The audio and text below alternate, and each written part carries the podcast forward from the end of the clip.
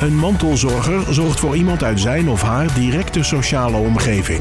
In deze podcastserie praten we met mensen die op verschillende manieren zorgen voor de mantelzorger, zodat zij altijd het gevoel hebben dat ze niet alleen staan en zelf gezond kunnen blijven. Tegenover mij zit Annemiek Kems, mantelzorgmakelaar bij het Mantelzorgcentrum. Welkom Annemiek. Dankjewel. Um, jij bent mantelzorgmakelaar. Wat heb je hiervoor voor werk gedaan? Ik heb uh, de laatste acht jaar voordat ik uh, uh, bij het, het mantelzorgcentrum werkte, heb ik gewerkt bij het zorgkantoor. Het zorgkantoor is de uitvoerder van de AWBZ. Dat is eigenlijk een instantie, een uitvoeringsinstantie, die alle langdurige zorg onder zich had. In 2015 ging dat op de schop. En toen werd ik eigenlijk boventallig. En uh, toen kon ik de opleiding doen tot mantelzorgmakelaar. En daar ben ik heel blij mee, want het helpt mij ontzettend dat ik zo'n achtergrond heb. En waarom is dat? Omdat ik uh, toen klantadviseur was en ik was de partij tussen uh, de, de zorgaanbieder en uh, aan de ene kant en de, het zorgkantoor aan de andere kant, maar soms ook de mantelzorger aan de ene kant en het, de uitvoerder aan de andere kant. Dus, dus de mantelzorgers belden jou uh, die belden vanwege hun soms... verzekering? Ja. Kan ik het zo zien? Nee, die hadden al een indicatie. En uh, we gaan nu praten over de wet langdurige zorg. Dat is eigenlijk de voorloper van de wet langdurige zorg. En dat is de AWBZ.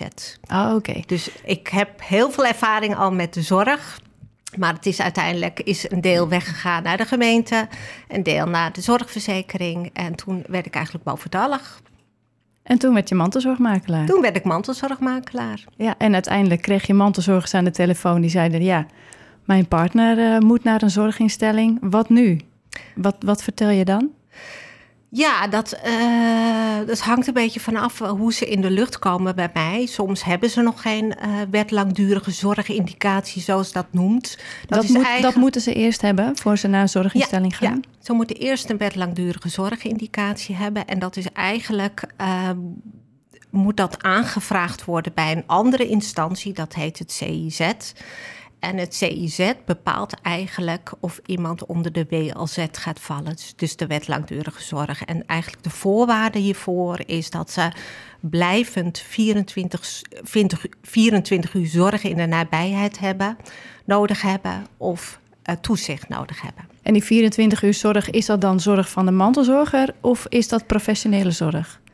Uh, dat kan beide. Oké, okay, dus... Vaak, ja, vaak is de mantelzorger is altijd in het voortraject. En die kijkt van, joh, uh, kan ik het nog volhouden? Of uh, moet er wat meer gebeuren, zodat ik zorg van buitenaf krijg? En in heel veel gevallen is het zo dat uh, mantelzorgers eerst bij de gemeente aankloppen voor hulp, bijvoorbeeld een dagbesteding.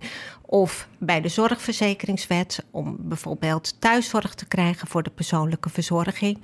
En als dat eigenlijk niet meer voldoet, dan komt er vaak, uh, komen ze vaak in aanmerking voor de wet langdurige zorg. En zit jij dan al in dat traject of, of kom je er pas op dat moment bij, dat, als ze die vraag hebben over uh, de wet langdurige zorg? Ja, eigenlijk komen ze altijd um, bij het mantelzorgcentrum als ze een vraag hebben. En het kan heel divers zijn. Het kan zijn van, joh, ik wil mogelijk een wet langdurige zorgindicatie aanvragen via bijvoorbeeld uh, Geriant. Geriant is weer de partij die uh, zich bezighoudt met dementerende in de thuissituatie. Die vaak, vraagt vaak een wet langdurige zorgindicatie aan. En uh, dan willen ze weten wat ze gaan betalen.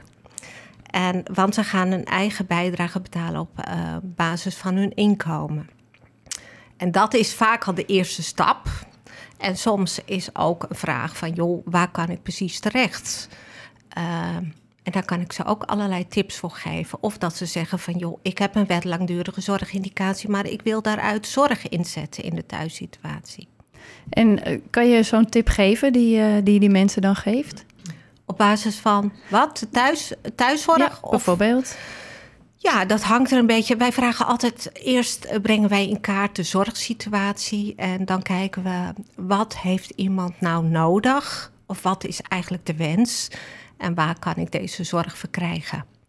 En uh, ja, wij gaan zover uh, dat de mantelzorger zelf aangeeft van joh, wil jij het regelen? Of joh, ik weet uh, uit de informatie waar ik moet zijn. Dus zij hoeven niet alles zelf te doen. Um, jij geeft ze adviezen. Dan kunnen ze zelf kiezen of ze daarmee verder gaan. Ja. Of jij zoekt het helemaal voor hen uit en regelt het ook. Ja, is net wat, wat de mantelzorger zelf wil.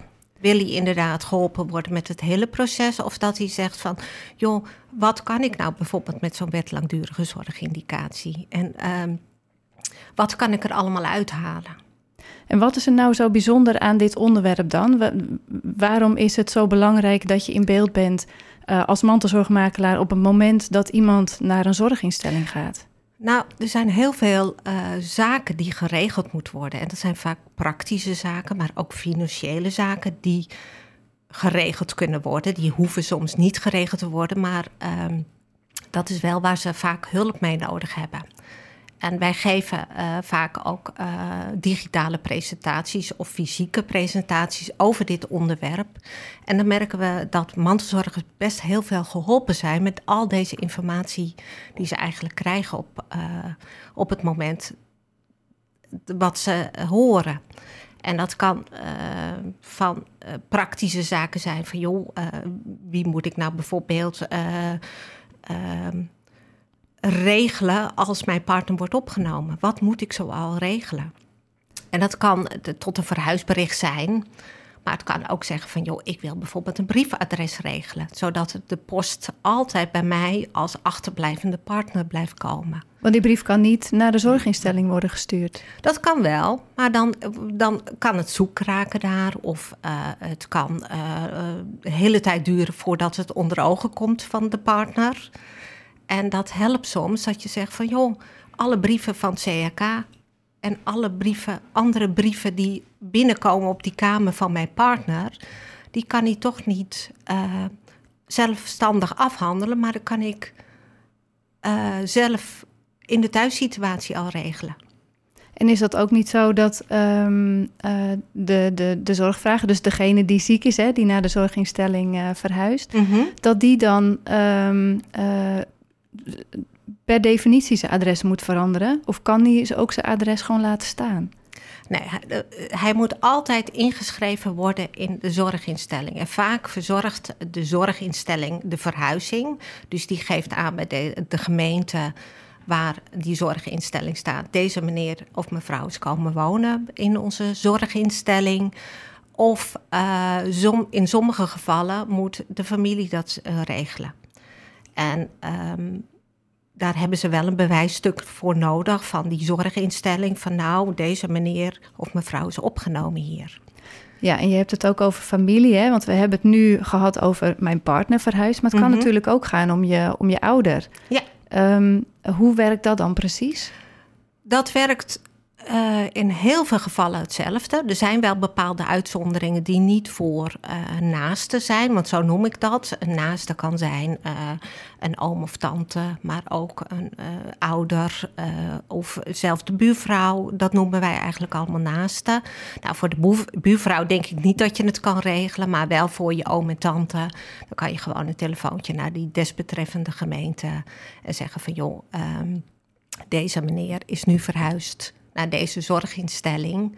En dan wordt het geregistreerd in een bepaald datasysteem. En dat heet de basisregistratie personen.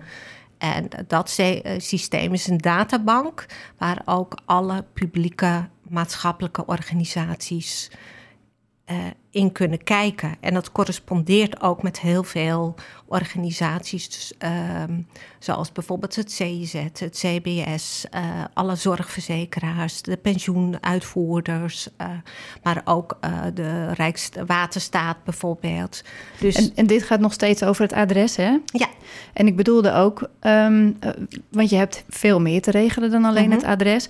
Wat is er nou zoveel verschillend dat je als partner uh, dit soort dingen gaat regelen of als kind van een ouder die verhuist naar een zorginstelling?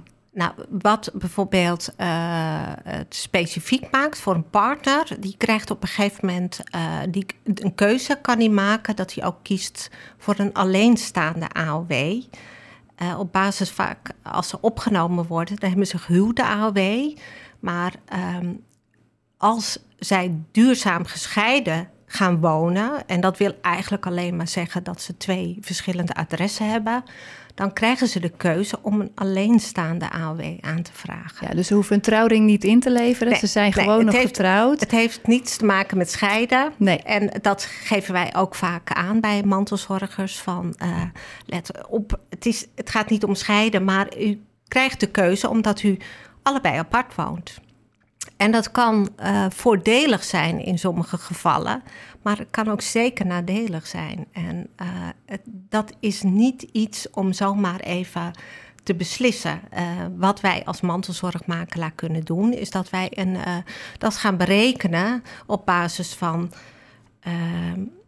nu, maar ook over twee jaar. Kijken of het nog voordelig is. Want dat... En waarom zou het over twee jaar anders zijn?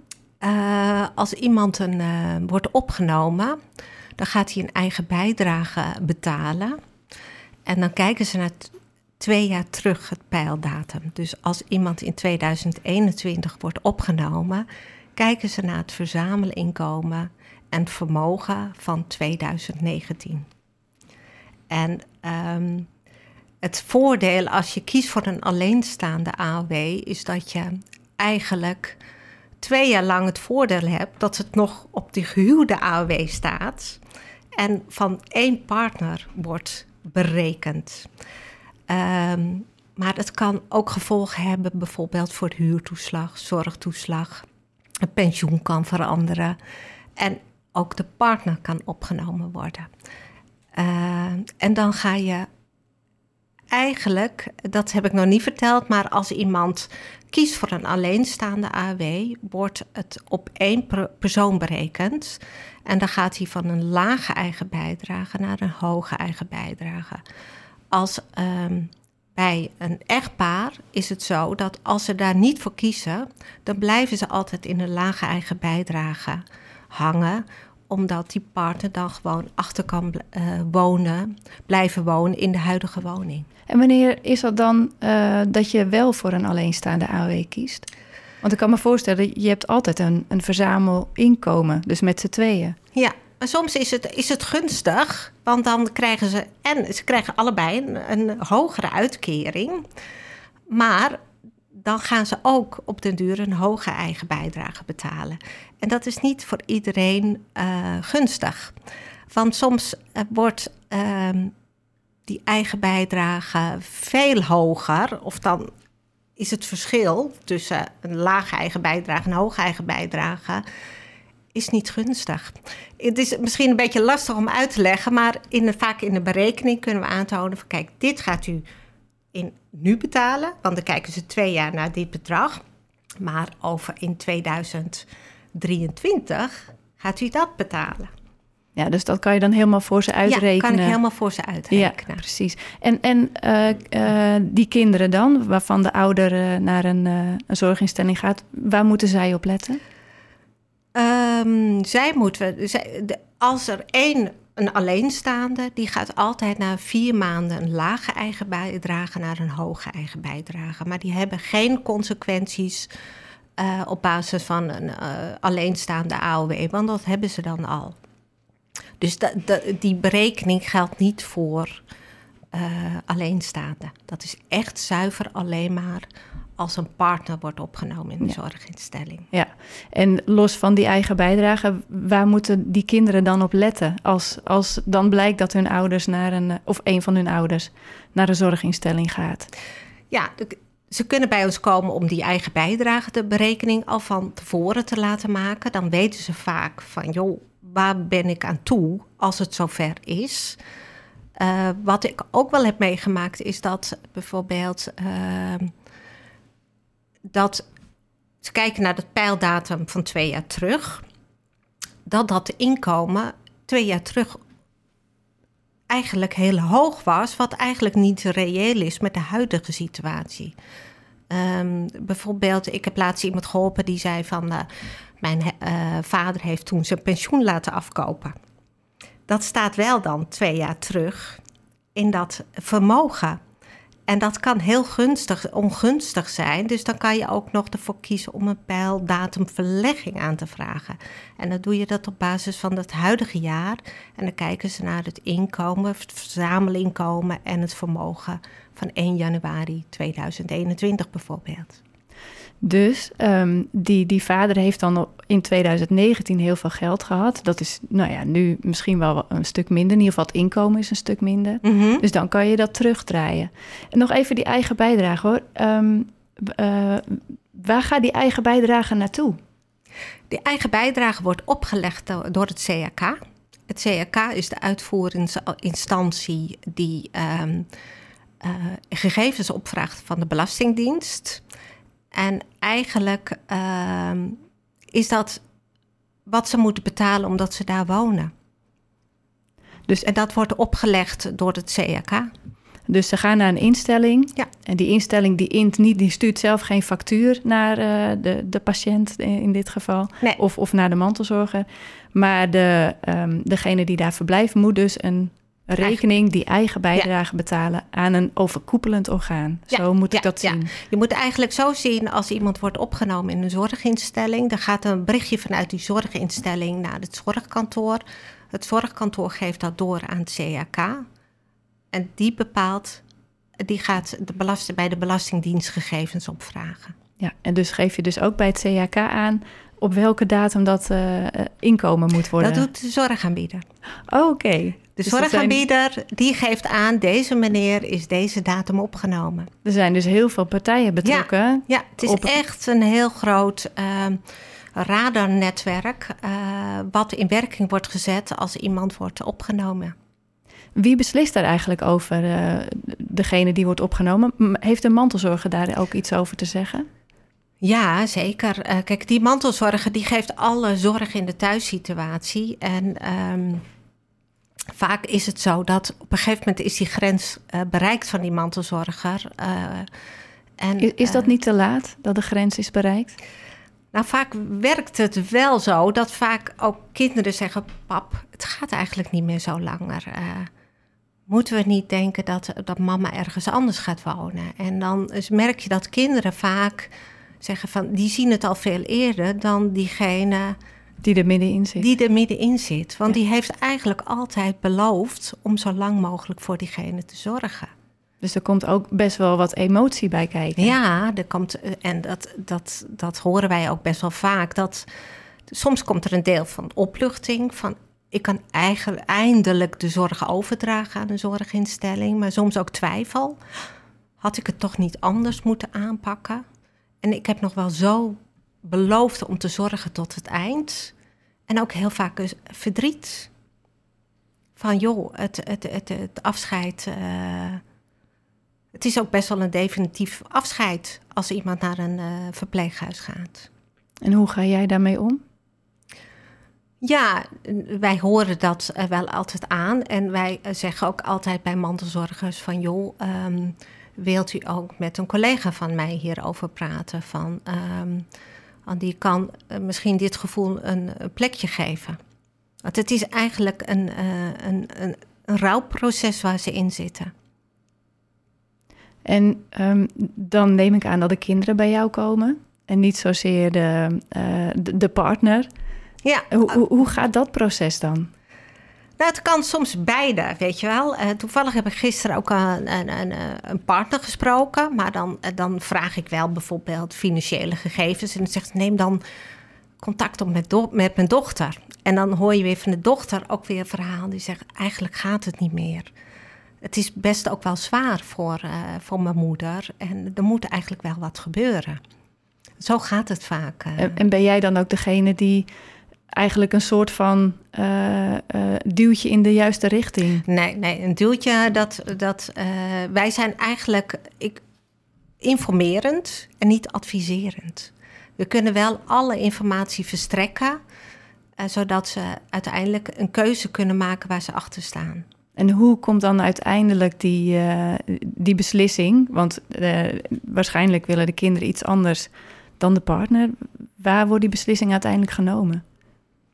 Ja, dat is vaak een intern proces tussen hun beiden. Maar het kan ook best wezen dat er een, juist zorgverleners in zitten en die zeggen: het, uh, er moet wat gebeuren. Dit, dit gaat niet meer lang uh, goed. Kijk, als iemand gaat dwalen s'nachts, dan kan iemand ook niet meer um, opladen overdag.